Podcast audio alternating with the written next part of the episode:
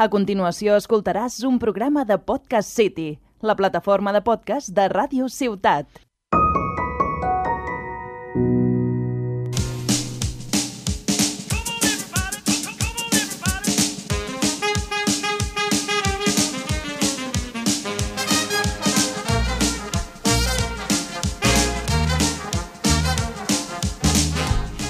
Al ritme que portem només puc dir-vos hola amb un gran somriure abans que la tempesta ens endugui.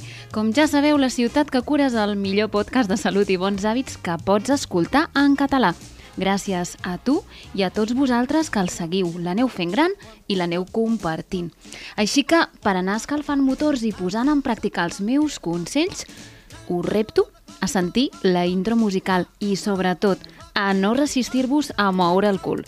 Som-hi? A veure si podeu. Un consell. No us resistiu. Amb els cracs dels anys 50 i l'optimisme d'una generació que es conformava amb el que tenia i, malgrat tot, no perdien el somriure, encetem el podcast d'avui amb Jimmy Bunny i Master Mixters.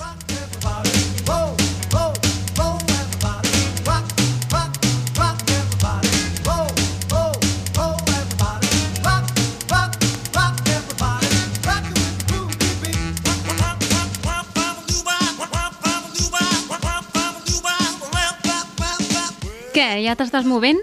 Si encara no se't mou ni un sol múscul del cos, corre cap a urgències ara mateix perquè aquesta música és infal·lible i t'ho dic, si no et mous amb això, és que alguna cosa no rutlla. Em segueixes? Jo no puc parar de moure'm i, com ja t'he dit algun altre cop, de vegades no cal estregar-se per bellugar-se.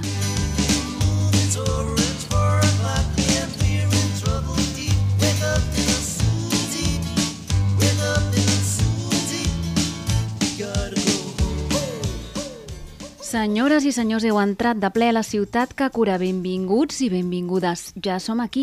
Jo sóc Mercè Milan, infermera i amant de la salut i la bona música. I és que les idees d'hàbits saludables i conductes healthy s'acaben perquè la resistència als aires que corren ens debilita. Així que el que em trobo són persones esgotades i cansades de ser resilients, cohibides o col·lapsades per les normatives, restriccions i decisions que semblen no tenir fi.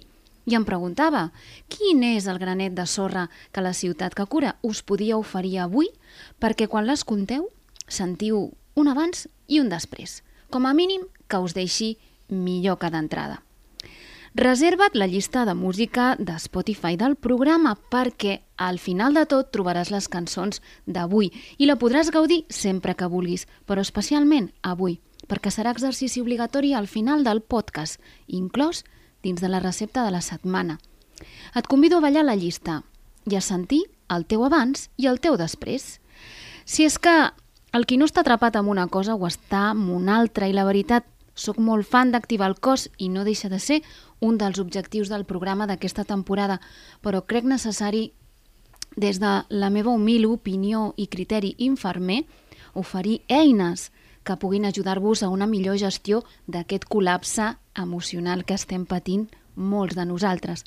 Si més no, felicitar els que gaudeixin de moments dolços i la meva més profunda enhorabona per seguir i mantenir-vos en el núvol mentre es pugueu. Col·lapse per què? Doncs perquè sovint acumulem, com si fos el cistell de la roba bruta, temes pendents que emocionalment ens posen en un compromís o que per alguna raó no sabem com gestionar o resoldre i els deixem allà, com si no haguessin de fer pudor.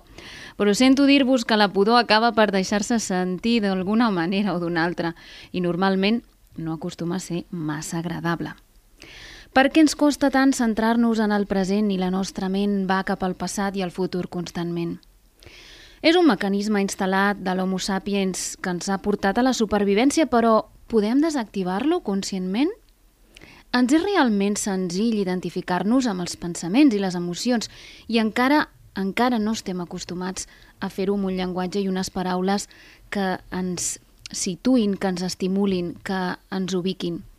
Ens creiem la història que ens contem, però podríem canviar-la per trobar un resultat més òptim del nostre dia a dia? Potser esteu en un punt de manca de sentit a la vida o perduts en la direcció que voleu perdre o prendre, no se sap.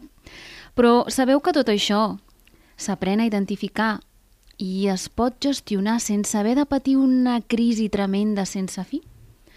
Per això, abans que us rendiu, anem a entrar una miqueta en tot allò que ens ajudarà a posar en forma la nostra flexibilitat psicològica que bona falta ens fa. Sé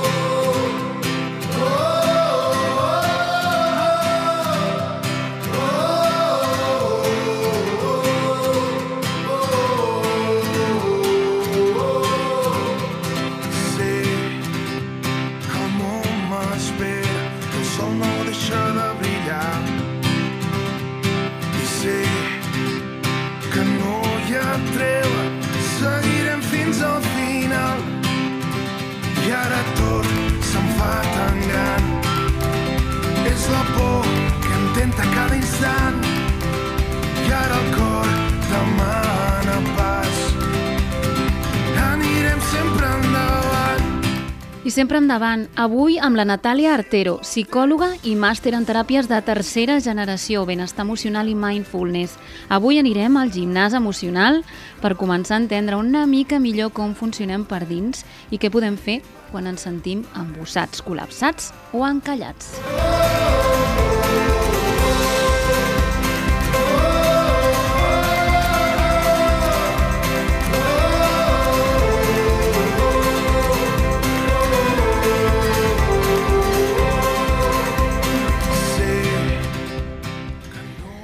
El mal temps, bona cara. Natàlia, benvingudíssima.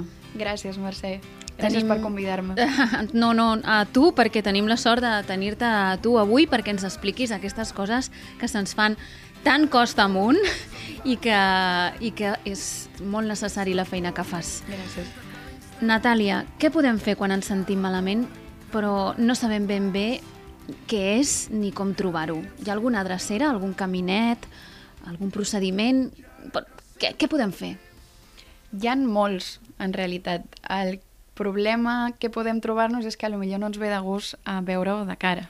Toma. Comencem forts. Sí, Comencem sí. Forts. Uh, el que passa és que el, els problemes que ens van apareixent o quan veiem que estem aturats sense moure'ns és perquè ens estem movent tota l'estona cap al mateix punt i ens trobem amb una paret i volem tornar amb aquest punt i no, i no podem, no podem. Per què? Perquè el que hem d'agafar és això, una altra drecera. Ens frustrem perquè intentem fer sempre el mateix i veiem que no funciona a la vista està que si prenem un altre camí no sabem si sortirà bé, però almenys no sortirà el mateix. Esperançador, com a mínim. Ara em pregunto, no? Com pot sortir un mateix? És possible sortir un mateix d'aquesta paret sense, sense eines mm, o, o sense ser conscient que està en aquest punt? És possible? Molt difícil. És difícil. Molt difícil. Ja si podem ser conscients de en quin punt ens trobem, ja tenim molt recorregut. Uh, si no sabem en quina emoció ens hem aturat o en quina volem aconseguir i ens empenyem en que sí, hem d'aconseguir-la aquesta, passa això, no? Que, que ens quedem estan donant tom sobre nosaltres mateixes, no? Uh -huh. O potser què estem evitant, no? Totalment.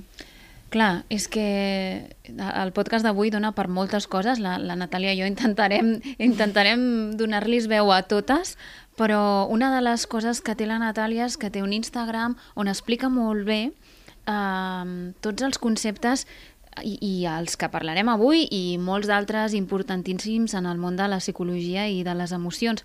Però una d'elles, que explica molt bé i que a mi m'ha agradat molt, és l'emocionari que tens penjat en, en el teu Instagram, no? Perquè parles d'emocions com l'amor, però també com l'alevosia. Mm. Dius, l'alevosia, paraula, emoció o la mandra.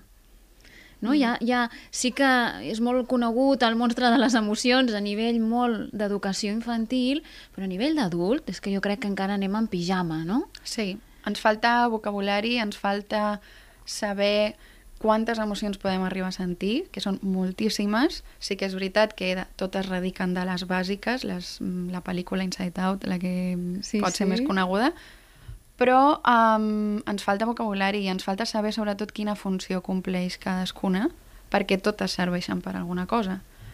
Tant sigui agradable de sentir com si no ho és. Clar, és que què és primer, l'ou o la gallina? És a dir, mm. si tu no li pots posar una paraula no? o no pots definir una situació, difícilment també la podràs exposar mm. com a tal per saber com, què fas amb allò, no? Um, a mi m'encurioseix no? Això, això, el fet que dintre de l'emocionari hi hagin paraules com la frustració, la vergonya, no? el fàstic, la ràbia, la tristesa, ja molt més conegudes. Sempre, com tu dius, no? jo crec que anem molt justos de paraules, de vocabulari, no perquè no hi sigui el diccionari, no, tenim per sort un vocabulari molt extens sinó que, que bé, que suposo que a nivell cultural mmm, tot això d'alguna manera ha, ha estat tapat, no? i el fet de sentir, potser per mm, mil històries no? de, de supervivència, de rols, d'estereotips, del que sigui, no, no ens hem esforçat o no ha estat ben vist.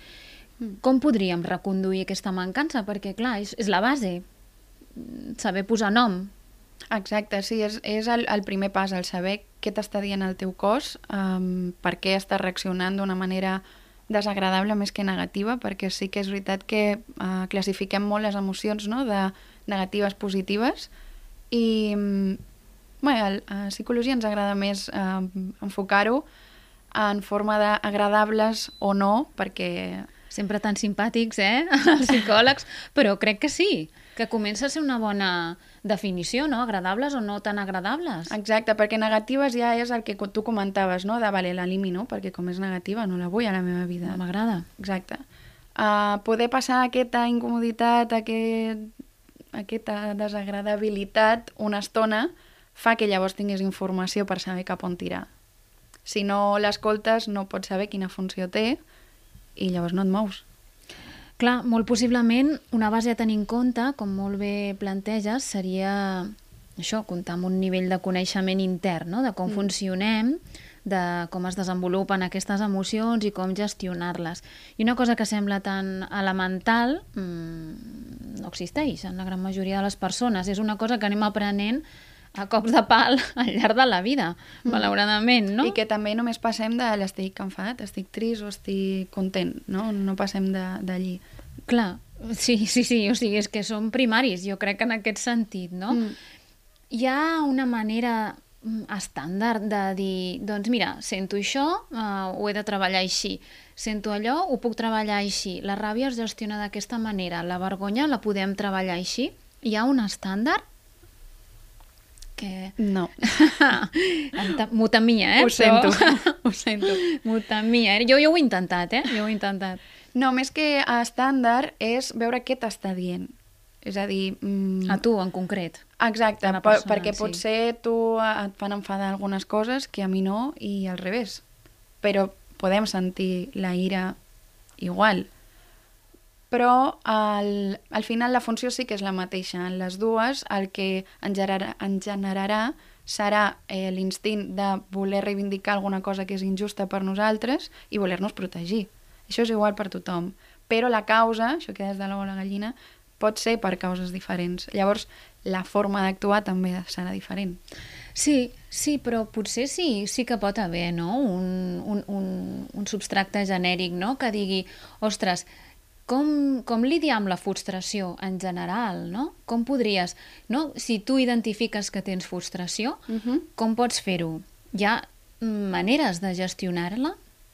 Sí, Sí, sí, això sí, tenim moltes eines i, i sobretot aquesta resistència a no sentir-la pot ser la primera eina a la que podem aplicar de, vale, uh, sento frustració en aquest cas, d'acord, perquè sento frustració, el primer que, que en surt és treu-me-la d'aquí, vull solucionar-ho tot i ràpid, si pot ser. Sí, hi ha uh, alguna pastilleta millor, no? Millor, exacte. La drecera ràpida a vegades no és la que es manté en el temps. Llavors, uh, la frustració si és la ràbia d'alguna cosa que no podrem controlar, uh, a lo millor veure també què és el que està dintre del nostre control i veure què és el que no podem controlar. I llavors acceptar que no podem controlar i dirigir aquesta energia de frenar lo incontrolable cap a un altre costat. Clar, massa control veig aquí jo, eh? O sigui, sí. al final és el que m'ha après, a controlar i a contenir Mm. I després el que, el que em trobo jo és això, no? patrons de símptomes que no són més que mostres de contenció d'emocions de, diverses que s'han quedat contingudes, controlades, controlades, molt bé, retingudes, moltes vegades ni han estat conscients i estan manifestant una tensió o un malestar. Si potser no? Um, a l'inici poguéssim hagut de denominar allò, no? de dir, ostres, estic així des que m'ha passat això, jo crec que ja avançaríem, no? Mm. Seria un, un principi. Però, clar, sovint, mm, jo crec que quan ens encallem és perquè no hem estat conscients de que ens hem empassat allò amb patates, no? Sí, o també que, que no volem empassar-nos-ho perquè volem tenir-ho controlat. No volem passar per aquella estona que busca mm, posar el dit a la llaga i volem controlar que no aparegui, que no, que no es parli, que no estigui present a la nostra vida, que no, no busquem enrere, com deies, de saber la causa, de mira, doncs, si no m'ho miro no existeix, però quan menys t'ho miris més fort serà aquest estímul, no? Més apareixerà, si no apareix en pensaments, apareixerà amb el cos, que com bé dius, el, Sí, això és el que... Sí, sí, jo sempre poso l'exemple, no? Dic, mira, ara estàs així, però és que, clar, estàs així perquè és com si haguessis estat intentant durant molt de temps fer que un globus inflat no flotés a la banyera, no? I mm. l'estàs intentant amagar tota l'estona. El cos per algun lloc acaba sortint. Però sí que és curiós que realment eh, jo, jo crec que hi ha molt el pensament o la creença, malauradament mm, incerta, que, que la psicologia no és útil o que no és efectiva, no? Però el sol fet de posar consciència o posar paraules fa que uh, aquella emoció, aquell, aquell símptoma ja es dissolgui, o sigui, només pel, pel fet d'identificar-lo. És a dir, jo crec que potser una teràpia psicològica mm, no sempre et resoldrà el problema, però et facilitarà que arribis a la solució. Sí, perquè miracles no podem fer, no podem canviar alguna cosa que no es pot canviar. El que sí que podem fer és canviar l'enfoc i, i no centrar-nos en, en el que se'ns escapa, sinó en el que sí que disposem. En tenir eines per, per, sí, per afrontar doncs, alguna cosa que, que ens hi trobarem sí o sí, però també per veure tot allò del que sí que tenim control i sí que podem moure'ns. O sigui, al, al final, el no fer a vegades no serveix, o sigui, a l'esperar que s'acanvin les coses per si soles no, no serveix, es mantindrà, no? I llavors, per això també molt aquesta teràpia, no?, de, de moure't, de fer, de canviar una mica a l'enfoc. Clar, entenc que quan parles de teràpia parles en concret de la teràpia d'acceptació i compromís de, de les de teràpies anomenades tercera generació, no? Mm. Perquè d'alguna forma van molt dirigides a, a, al que tu explicaràs molt bé tot seguit, no? Acceptar el que tenim o no i veure què fem amb això. Però... Sí, sobretot per apropar-nos al que per nosaltres és important. També amb, amb aquesta teràpia centra molt en fer, però no només amb, amb el que és la conducta com a tal, com a que coneixem de fer una acció, sinó també els pensaments estan dintre de fer, perquè estàs pensant. Curiós. Mm, expliquem? Sí, el... Bé, el, el que es centra és que el, el llenguatge, tant el que fem exteriorment com el, la forma en la que ens dirigim a nosaltres mateixes també és fer, és actuar. Uh, llavors, el que hem fet sempre i seguirem fent és que connectem paraules i d'allí traiem normes i definicions que són inamovibles. Llavors, ens limitem moltíssim. D'aquí la flexibilitat psicològica que, que parlaves abans, no? Quan menys arrelats estiguem amb, el, amb, aquestes, amb aquests titulars que ens defineixen a la vida, més um, flexibles podrem ser davant de diferents situacions.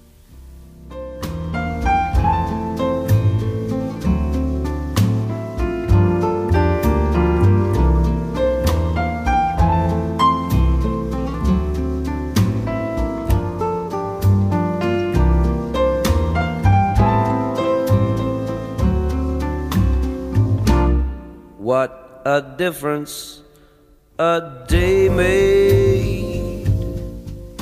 Natàlia, com podries explicar la flexibilitat psicològica? Per on començo? Uf. Es pot anar al gimnàs, realment? Podem? Sí. Sí, Bona. perquè és, és una habilitat que al final es practica. No, estem plens d'automatismes, hem après a fer les coses tal i com hem après de petits, però no per això ho hem de seguir mantenint si ara mateix no ens funciona. I la teràpia amb la flexibilitat psicològica el que promou és que el que t'ha servit fa X anys, 10 anys, és igual, no té per què fer-te fer, fer, ser d'utilitat ara mateix però com ja va funcionar fa uns anys, doncs ho torneu a repetir i ho torneu a repetir i seguim no, amb aquesta frustració. Um, la flexibilitat psicològica et situa des d'un punt de tu dintre de la situació i no de que la situació s'adapti a tu. No podem canviar la situació que, que se'ns presenta que és desagradable, no? d'aquí a anar a teràpia, si no, no aniríem a teràpia. Um, quan se'ns presenta una situació que no ens agrada, uh, volem canviar-la mm, com sigui. I el que podem fer és o resignar-nos i no fer res i dir, mira, doncs ja està, doncs m'ha tocat ser així, o ara mateix em sento així. Et situa en una posició diferent, perquè quan jo sóc així, doncs com he de canviar? Però si jo em sento així, Ara, ara tens opció. Exacte. O sigui, la, el, pot ser algo que es pugui canviar. Clar, és que tenim tants paradigmes instaurats no? a nivell de funcionament mental no revisats i d'alguna manera no qüestionats ni tan sols per nosaltres mateixos, que sí que comencem a tenir nocions de com cuidar el cos i de com gaudir d'una salut física, a nivell corporal, a nivell nutricional, a nivell d'activitat física o metabòlic, però a nivell cerebral, ara tot just, no?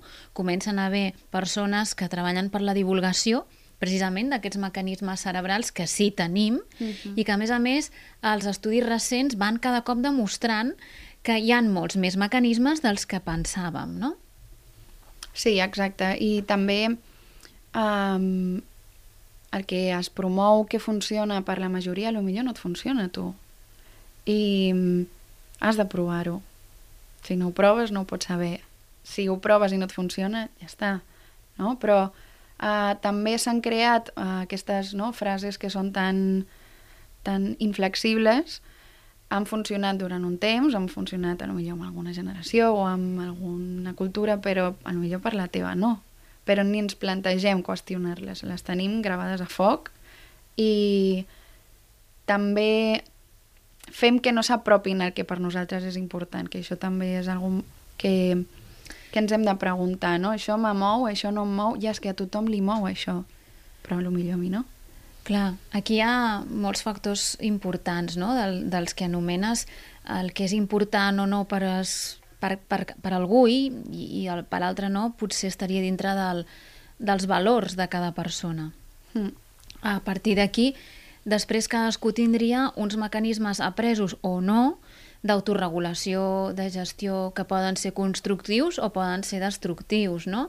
Més tots els condicionants culturals sobre això que dius d'aquestes creences que ja donem per, per fixes. Mm. No? És que, jo sempre tinc la sensació, amb la meva edat, no? que hauria estat útil mm, que, que en educació primària no només hi hagués el monstre de colors, no? sinó que quan eh, els nens hi arriben a una edat en la que poden entendre del que estem parlant, poguessin conèixer que això passa, que això ens passa, que com això afecta el cos, com això te pot afectar en les relacions amb els amics, no? i com hi ha eines per gestionar-ho, però com una cosa molt bàsica d'eines per la vida, d'anar pel món. I en canvi aprenem altres coses tan inútils mm. que no les fas anar mai més. Llavors, clar, hauries de fer com, com unes, no sé, memòries, recordatoris, a, a primària, a l'ESO, al, al BAT, no? a l'hora d'escollir, sobretot, no? d'orientar què és el que vull, què és el que em mou, què és el que per mi em fa vibrar i, i això que dius tu, no? acceptar que la vida doncs, no tot és de color rosa i, i s'haurà de treballar o s'haurà de fer alguna cosa per guanyar diners i guanyar-te-la i si pots fer que coincideixi amb el que t'agrada, genial, però has de trobar aquest equilibri, no?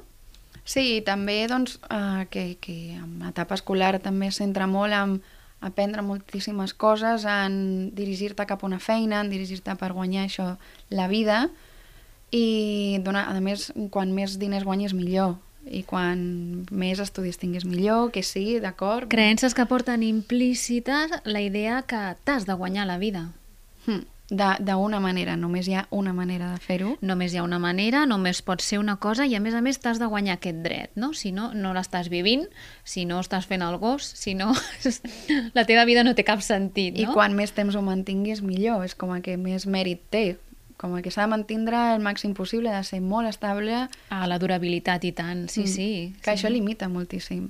Perquè a vegades doncs, les circumstàncies t'inviten a que hagis de canviar de feina sí o sí, o que no et guanyis la vida com el que se suposa que t'has de guanyar. A lo millor tampoc tens tants gastos com perquè necessitis tu X diners a la compta, però, ostres, és que la gent diu que mínim has de guanyar això.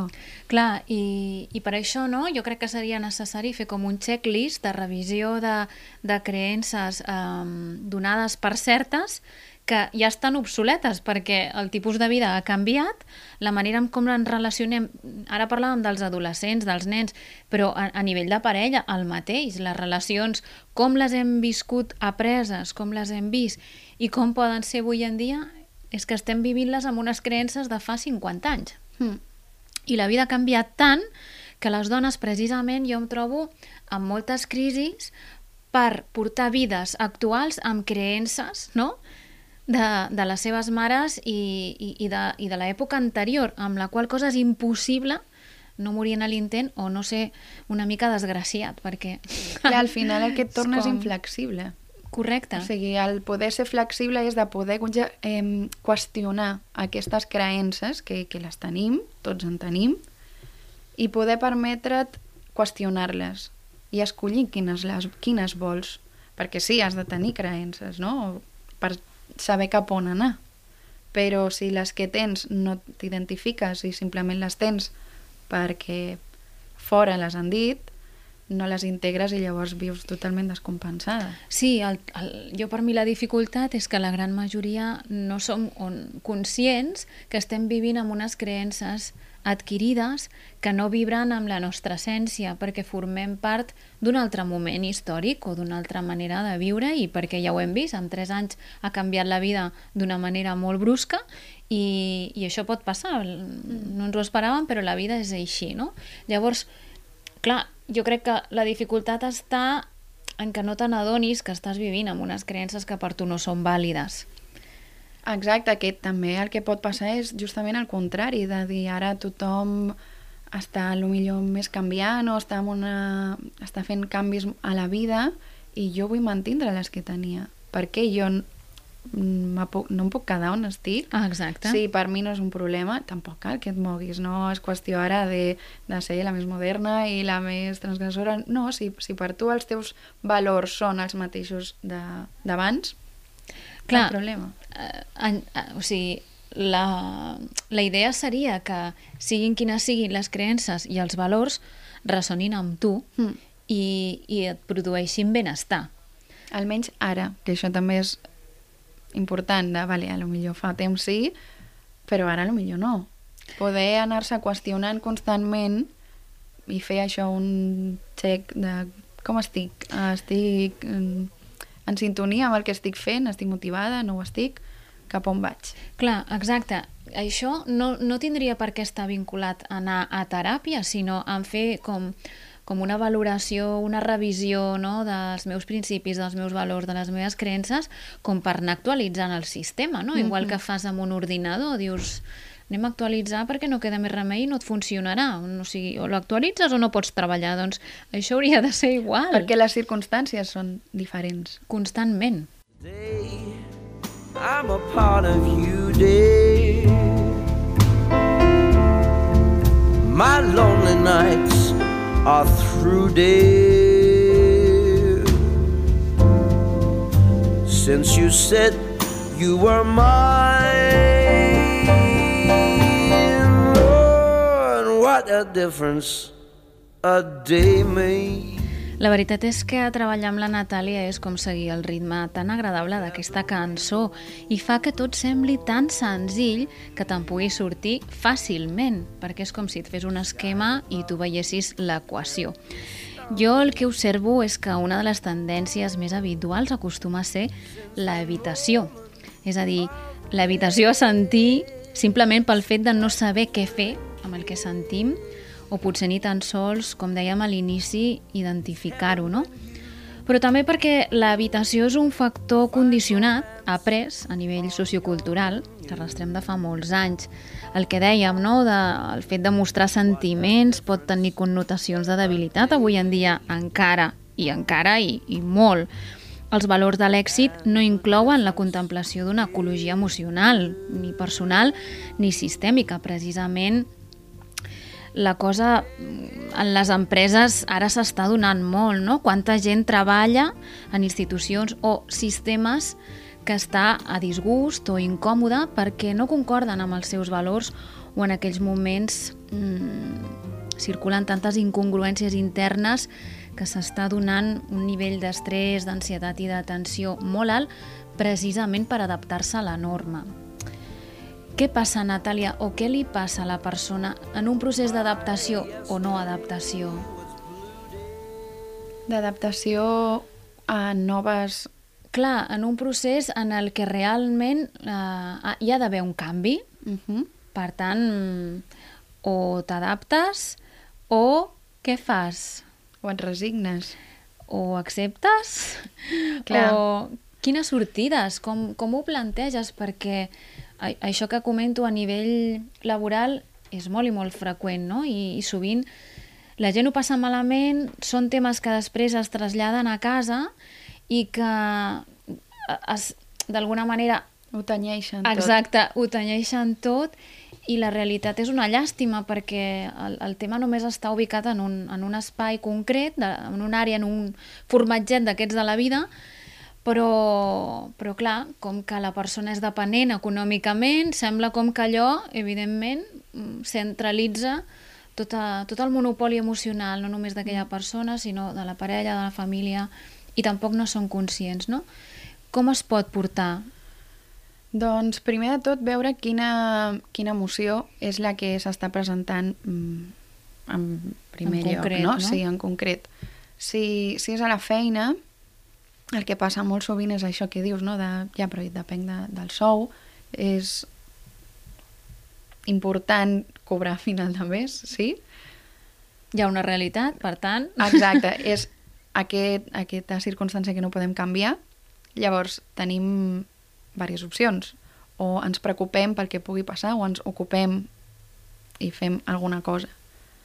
Canviar de feina sempre és una opció. No, no estem lligats a cap lloc, no, no estem esclavitzats. És, és la diferència entre estar treballant o esclavitzats. Sí, però això pensa... O sigui, jo, jo m'hi he trobat en, en molts casos en els que la persona no té la certesa que realment és una opció canviar. Exacte, per aquestes, aquestes creences tan arrelades que tenim, si tens feina, com l'has de deixar?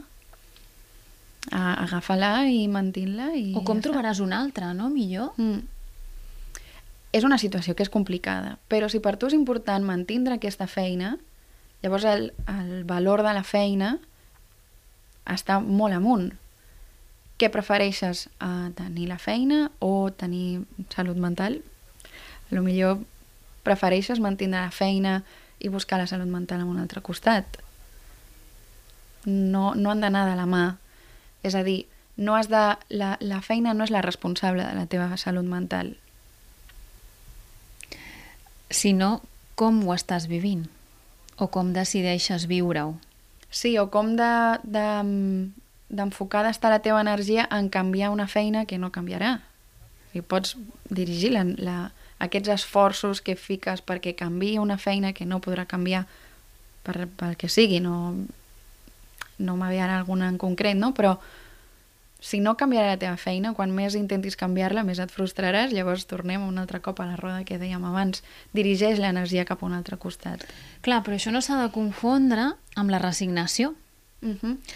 Com, com, com podem diferenciar entre una actitud proactiva, com crec que seria una acceptació, i una actitud més passiva, com seria la resignació, i si no és així, corregeix-me. No, totalment, és així. El, amb l'acceptació hi ha una, una, unes ganes de fer. Amb la resignació deixes de fer. I deixes de fer volent desitjar que canviïn les coses. O sigui, en, en les dues no ens agrada la situació. En l'acceptació i en la resignació el que tenen en comú és que no, no ens agrada el que estem vivint, no? Però en la resignació estàs preocupat constantment pel què passarà, pel que, el que ha passat, i amb l'altre estàs ocupant-te de les coses. Estàs buscant solucions, no? Amb l'acceptació t'apropes al que per tu és important. Si per tu és important la feina, doncs què pots fer a la feina, què pots fer per canviar de feina, si per tu la feina és un valor molt important que t'ha d'omplir, que, que ocupa moltes hores del teu dia, llavors la feina serà un, un valor important. A lo millor és més important la família i no està en la feina, però tant fent pensar que la feina és un pilar que és molt important que no pots mm, deixar de mirar en cap moment o deixar de tenir. Clar, ara aquí permetem que et faci un incís perquè crec que hi ha una cosa important no? que, que vam estar comentant i que vull que, que escoltin, no? Però seguirem després amb aquesta acceptació i resignació perquè mm, m'encanta i és una de les coses que sempre estan allà. Uh, en aquest joc de, de, entre acceptar i resignar-te, mm, jo crec que hi entren les trampes mentals. Sí. Perquè és com fer-te jugades tu mateix, no? En aquest ball de dir em conformo, em retiro, això no m'agrada, uh, però no vull renunciar-hi, no? I llavors eh, l'autoengany o la trampa mental, no sé si creus que és el mateix, entra, sí. entra molt en joc. Sí, i, i n'hi ha moltíssimes trampes. Tenim bueno, una varietat impressionant. Pot ser, per exemple, doncs, eh, o tinc, si tinc feina tindré èxit a la vida, si no tinc feina sóc un desgraciat. No? Clar, bueno, Tenim... això a més aniria amb les creences, no? Ja és que tot, tot integrades. És el, és, està molt relacionat, no? Sí. El, per exemple, tenir una visió de blanc o negre ens limita moltíssim, doncs això que et deia, no? O tens feina i i brilles i, i brilles, ets exitós o... O llavors, si no tinc feina, llavors no, no mereixo res, no? Uh, adivinem també el futur de les formes més catastròfiques possibles, no vagi a ser que pensem en positiu i llavors no és possible això, no? Quan ens imaginem alguna situació, doncs generalment anem a, a lo peor. Sí, sí, clar, i és que quan es desestabilitza el sistema i el sistema comença a pensar i a obsessionar-se, jo crec que el desgast provoca una tendència a un pensament negatiu. O sigui... Exacte, aquest automatisme que tenim de mm, pensa, pensa mal i acertaràs, sí, sí. Uh, no ho sabem. No, és que realment no hi ha una bola de vidre que sàpigues, és que no ho saps. Sí, però això que no convidi a pensar malament. Eh? Això que us convidi a sentir el podcast que vaig estar gravant, no sé si és el número 6 o 5, sobre l'FT, no? com, com a eina de reset que tenim per autogestionar-nos físicament i dir, bé, avui decideixo pensar una altra cosa que m'aporti mm, una energia diferent al meu cos, no? Per, perquè si no ens deixarem arrossegar. Sí, o almenys aquesta idea tampoc no creure-se-la tant. O sigui... Clar, però tu estàs allà dins, en el teu bucle, no creure-te-la, tens un lloro que t'està dient amb uns altaveus, bueno, això, mm. si no treballes no serveixes, si no tal no ets mereixedor, jo què sé, no? En circumstàncies diverses hi ha tot un ventall, com tu molt bé saps. Sí, hi ha, hi ha moltíssimes, ja, doncs, de si veus algú que està parlant al costat d'una altra persona, dius, bueno, segur que està parlant de mi. um, és que hi ha moltíssimes de de tants tipus. I si voleu visitar l'Instagram ja de pas aprofito perquè també allí n'hem parlat molt i, mm, i ens limiten moltíssim. O sigui, el que passa és que ens tornen inflexibles. Convidats esteu perquè l'Instagram de la Natàlia està molt treballat i, i és com anar fent petits cursets instantanis de, de totes aquestes coses. La veritat és que és una, una mina de coneixement. Amb aquest ball de l'acceptació la, i la resignació, seguim, perquè ens quedi ben clar i, i puguem decidir cap a on tirem, cap a una o cap a l'altra, o com, si més no, saber que estem decidint resignar-nos o que volem acceptar. quan decideixes resignar-te ja estàs quasi, quasi acceptant. Per què? Perquè ja no lluitaràs per canviar la situació. Mira que bo, eh? Això és bo, eh, Natàlia? Estem, estem. Ara, ara et faria una ola aquí. Quan decideixes resignar-te estàs quasi totalment d'acord. Perquè ja acceptes que això no ho podràs canviar. Però... Um, Estàs renunciant, estàs fent-ho des d'un matís en el que tu t'anules o, o, o renúncies. No té per què. Mm. No té per què, perquè a lo millor també és acceptar que alguna cosa no pots canviar, també te pot convidar a marxar d'aquesta situació. Mm -hmm. És a dir, l'acceptació no és quedar-te sense fer res, sinó que um, actua sobre allò que tu tens poder, perquè no, no ens deixa parats de dir, pues ja no faig res i, i, i ja està. Llavors això és Sí, la sí. resignació. Però, eh, clar, però estàvem en aquest punt que tu deies, no? Si saps que estàs resignat, ja estàs camí cap a l'acceptació. Sí, pot ser, pot ser un camí, sí, sí, sí. Mm. Mm, jo ho veig una mica tèrbol, eh? O sigui, encara no veig la llum. Encara no veus la llum. De... No, exacte, d'una persona que està en procés de resignació que realment pugui passar a l'altre costat de forma activa. Clar, quan et resignes estàs patint molt. Pateixes perquè, ostres, no ho puc canviar, és que això és així, m'ha tocat viure això... Mm, pregunta't fins a quin punt t'ha tocat viure això. És a dir, una situació, per exemple, de salut, no? T'ha tocat viure això, sí. Mm, què pots controlar per patir més? És a dir, hi ha una frase que m'agrada molt, que no és meva, que mm, diuen el, el, el dolor és inevitable, però el patiment sí que és opcional. O sigui, el dolor te vindrà, no podem controlar de cap forma, no? Però mm, Sí, sí. sí, el, el patiment, aquesta agonia, aquesta mm, posició de no moure'ns és el que en, en realment suma al patiment. Clar, és el que, a més a més, afegeix, no?, aquest estancament. No? Exacte. I quan el cel se t'apagui, quan ja no vegis la claror, ni la lluna ni els estels res ensenyalin.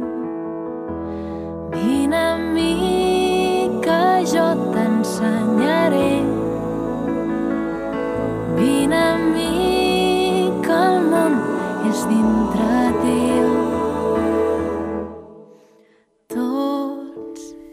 Ja veieu que la ciutat que cura us acompanya en bones mans. Per una banda tenim a la Natàlia que ens està ajudant a descobrir les nostres pròpies trampes mentals i a poder sortir d'aquests bucles en què ens fiquem. I per altra banda podem anar-nos a anar a dormir i acompanyar-nos de les cançons de l'Anna Dibori que jo sempre, sempre recomano. La Nevat de Tarragona, la ciutat que cura. Natàlia, uh, perquè la gent pugui saber no? com, com des de la teràpia d'acceptació i compromís uh, sortir-se'n, mm, què té de característic, de característic i de peculiar aquesta teràpia? Doncs el que es diferencia de les de segona generació, que dir, diríem que són les cognitives conductuals, uh, són que han anat un pas més enllà i mm, anem a com és el diàleg intern, com és la nostra creació del pensament, com hem arribat a pensar així, com de possible és canviar aquests pensaments i dirigir-los cap a una altra finestra. Clar, però sí que és important fer el matís, però sense, cap, sense en cap cas entrar en una psicoanàlisi, no? Entenc? No, no, no, no, no. Sinó amb el, la realitat del pensament d'avui, d'ara, del moment. Sí, és, és una, una teràpia molt funcional, és a dir, va al gra a què és el que t'està funcionant ara i sobretot el que és el que no t'està funcionant ara i que ens hi capfiquem, perquè ens agrada entrar en aquests bucles, ens agrada anar en automàtic, és còmode, és familiar per nosaltres, però el que fa aquesta teràpia és el que et diu potser si tirem cap a un altre costat passen altres coses. Jo no sé si ens agrada o més aviat és el que sabem o és el que hem après, no? Agradar, agradar? Sí, hi ha una... dir? També m'agraden molt les frases. Um, ens agrada lo familiar, però lo familiar no és lo, a vegades lo millor per nosaltres. O sigui, pot ser-ho, però potser no. I tant, i tant, per descomptat. Ja entraríem en conceptes de la paraula família i les connotacions no? que hem integrat de- d'aquesta paraula que potser ara ja, ja, no, ja no encaixen amb, amb la manera de fer, amb la manera de viure. Però sí que entenc això que dius, no? del que és familiar és còmode, és... Et sents segur allí perquè... Conegut. Sí, has crescut allí, està... És lògic que, que tirem amb allò, perquè ens, surt, ens hem en sortit d'aquesta. Però no sabem se'n si... van sortir d'aquesta d'aquella manera, perquè Ah, sempre exacte. seria mirant en el passat.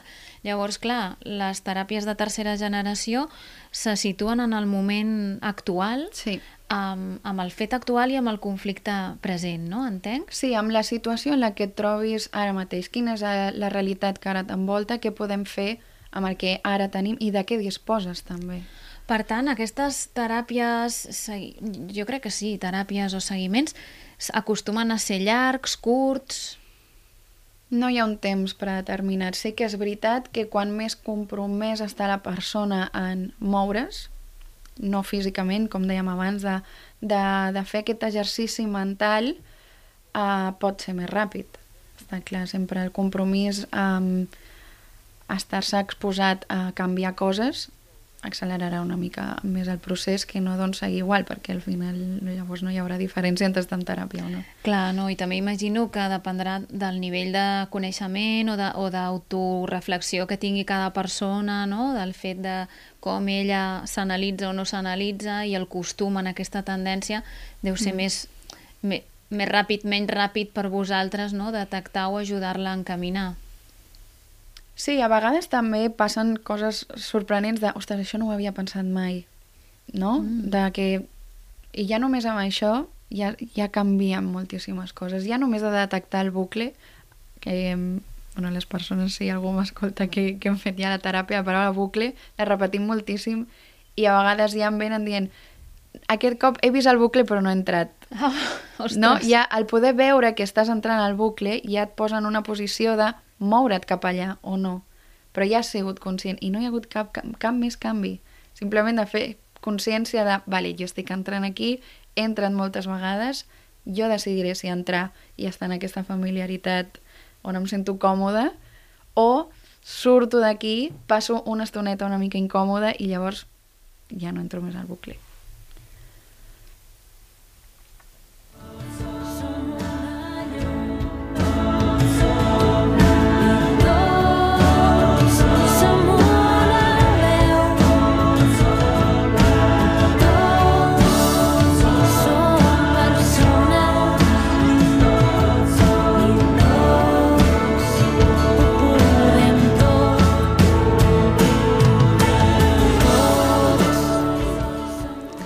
Bé, com veieu, mm, no sé si vosaltres us ha semblat interessant, a mi em sembla interessantíssim trobar eines pràctiques, pràctiques per desllorigar aquestes històries que ens fan patir i, i poder trobar persones com la Natàlia que d'una manera relativament senzilla per ella eh, pot ajudar i, i fer passar mals moments que no cal que siguin mals moments i que no cal que estiguin plens de patiment, no?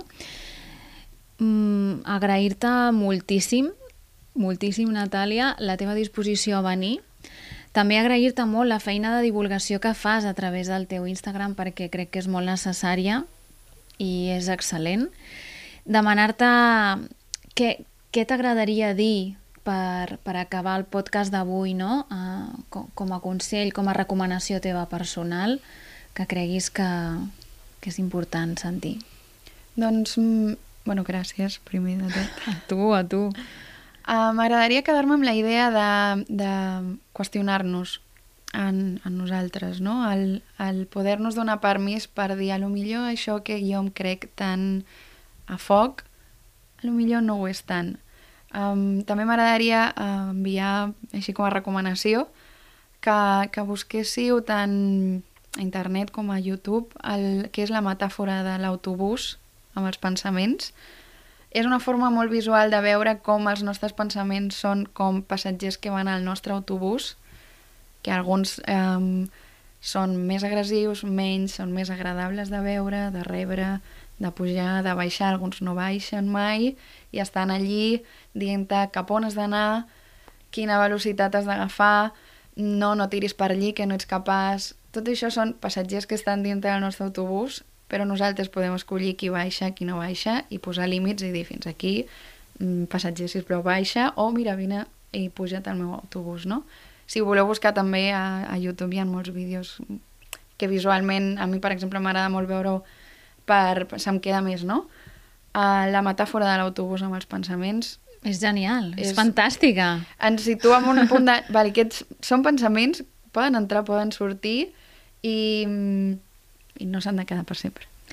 Em sembla espectacular. Jo la desconeixia, però a partir d'ara mm, la, la busco i, i a nivell didàctic la trobo tan gràfica, per si jo també funciono molt a nivell, a nivell visual i a nivell gràfic, que és que t'aclareix no? i simplifica i potser et fa les coses estar més fàcils, ostres, per identificar-ho, no? Mm. Em sembla una recomanació excel·lent. Jo estic segura que amb la teva professionalitat podràs ajudar molta gent a posar llum a les seves trampes mentals i trobar la sortida. Així que se't gira feina, en... Anna, se't gira feina, Natàlia, per la qual comptes amb mi per reparar la part física que, que les persones puguin necessitar com a infermera, no? i pel que et pugui ajudar, però sobretot jo us recomano que consulteu el seu web caliarenapsicologia.com o el seu Instagram, no? caliarena també. I la Natàlia us ajudarà amb els seus consells super treballats, explicats, ben explicats, perquè estan plens de contingut, eh, de veritat, de contingut molt enriquidor i els pots són mm, sense desperdici, vamos, brutals. Anna, mil gràcies i, de nou, gràcies per la feina de divulgació que estàs fent. Moltes gràcies a tu, Mercè, per Espero, convidar-me. espero tornar-te a veure ben aviat aquí. Ja sé que ens veurem fora, però aquí Jo hi torno, jo hi hi ha torno. feina, hi ha feina.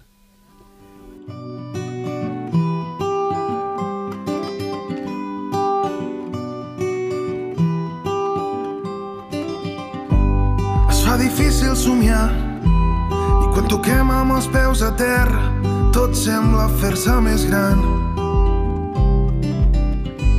Vaig intentar imaginar que la consciència venia a veure i al veure em va remugar.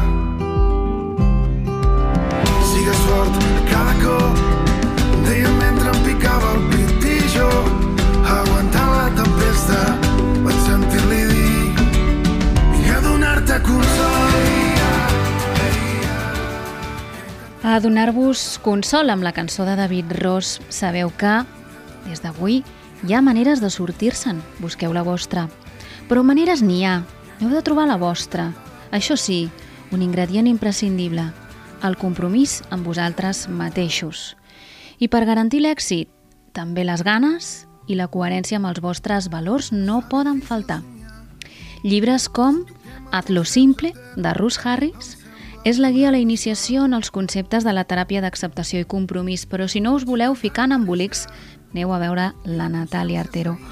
Cómo hacer que te pasen cosas buenas de Marianne Rojas Estapé us pot ajudar a col·locar algunes trampes mentals fora d'aquest autobús, com molt bé ens ha explicat la Natàlia. El universo de lo sencillo de Pablo Arribas és com una, una ventadeta d'aire fresc que, que pot ventilar aquests pensaments espessos. No te rindas, 12 meses para aprender a ser optimista del Enrique Rojas. O el Si salieras a vivir, hábitos para disfrutar de una vida plena de Patricia Ramírez. És un quadern llibre també molt pràctic i, i molt útil per agendar-vos les vostres prioritats segons els vostres valors. Per acabar, un llibre per llegir amb una xocolata calenta. La felicitat dels dies tristos, d'en Jorge Bucay i de l'editorial Coma Negra. Si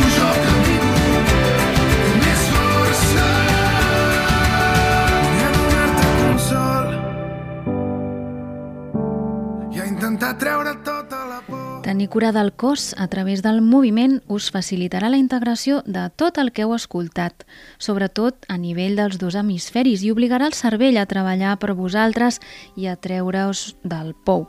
Així que balleu, camineu, nadeu, feu pilates, però no us rendiu. Busqueu aquella activitat que us ajuda a moure's de forma natural. Agendeu els vostres espais i subratlleu-los en fluorescent a la vostra agenda. Sobretot, aposteu per vosaltres i no falleu a la vostra cita.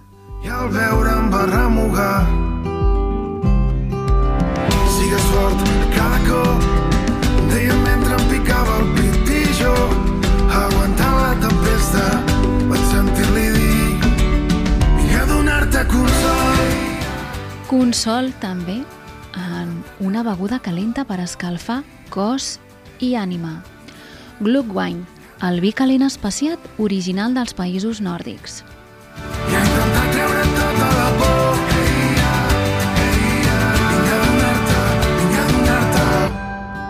Una fórmula, una fórmula de flors de bac per sostenir moments de transició. Walnut, rockwater, rock rose, wild oat i wild rose, la flor de la guspira de la vida versus la resignació.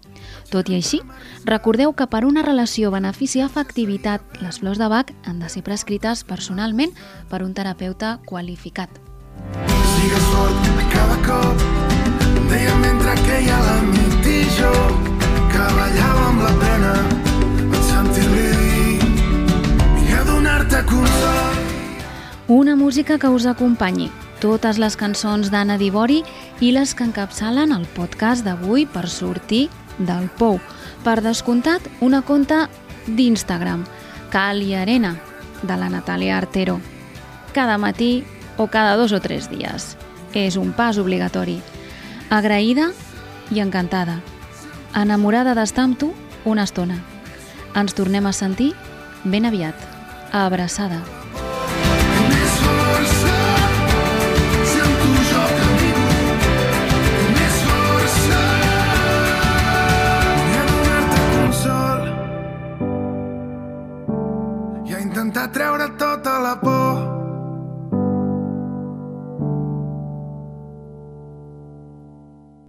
Has escoltat un programa de Podcast City, la plataforma de podcast de Ràdio Ciutat.